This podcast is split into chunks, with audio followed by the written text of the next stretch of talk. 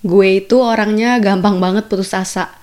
Kalau kata orang terdekat gue, dari kecil gue itu orangnya emang pesimis banget. Dan kata-kata itu terus-menerus menghantui dan mengisi kepala gue di hampir 30 tahun gue berada di dunia ini. Halo teman-teman, apa kabar? Balik lagi sama gue Sepin di Cerpin Cerita Sepin dan hari ini adalah hari ke-6 30 hari bersuara bareng The Podcasters Indonesia di tahun 2021 dan temanya adalah putus asa. Kata-kata ini apa ya? Selalu bisa dibilang bermunculan di dalam hidup gue dan mungkin bisa dibilang 70 sampai 80% selama hidup gue gue lebih sering ngerasa putus asa dibandingin optimis.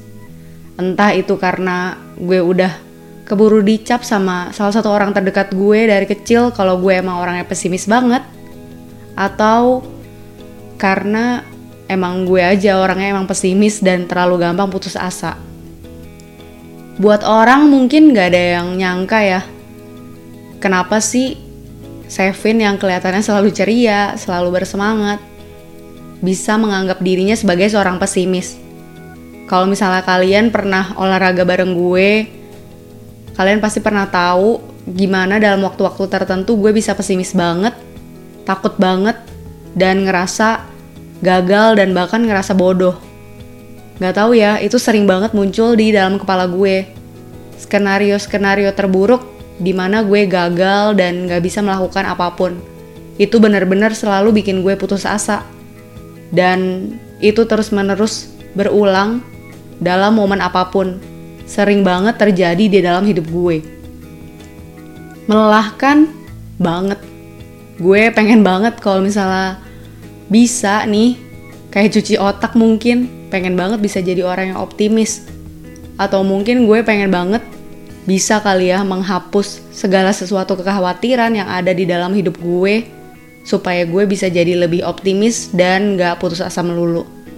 Tapi gue inget nih, salah satu kata-kata coach gue yang waktu dulu gue nge-gym namanya Kowi Chen.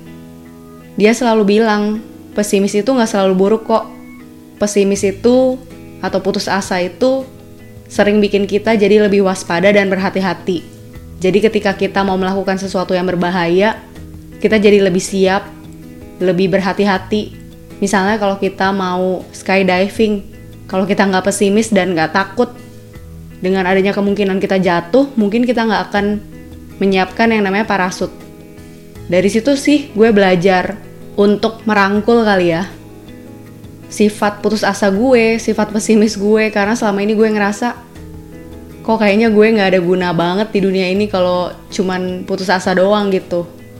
Dan nggak ada yang gue pikirin selain hal-hal terburuk yang mungkin terjadi di dalam hidup gue itu sering banget terjadi dan gue juga bingung. Nggak tahu gitu kenapa bisa terjadi. Tapi memang gue semudah itu merasa putus asa. Dan mungkin salah satu cara gue untuk menutupi rasa putus asa gue dalam situasi apa pun adalah dengan selalu tampil ceria, selalu tampil bersemangat, dan bahkan selalu berusaha menghibur orang lain. Padahal sering banget gue ngerasa butuh dihibur Apalagi ketika gue ngerasa putus asa, seperti dalam beberapa minggu belakangan ini. Walaupun memang gak gampang, tapi dalam keputusasaan gue menyadari ternyata ada hal-hal kecil yang bisa bikin gue happy. Walaupun mungkin ada hal-hal yang pengen gue lakuin tapi gak bisa di masa-masa yang penuh putus asa ini.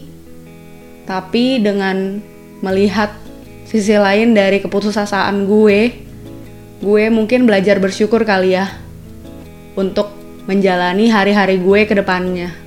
Dan semoga gue bisa terus maju dan harapannya sih gue bisa mengurangi keputusasaan gue di dalam hidup ini. Ya, semoga deh. Oke, segitu aja cerita gue tentang rasa putus asa yang selama ini melanda di dalam hidup gue.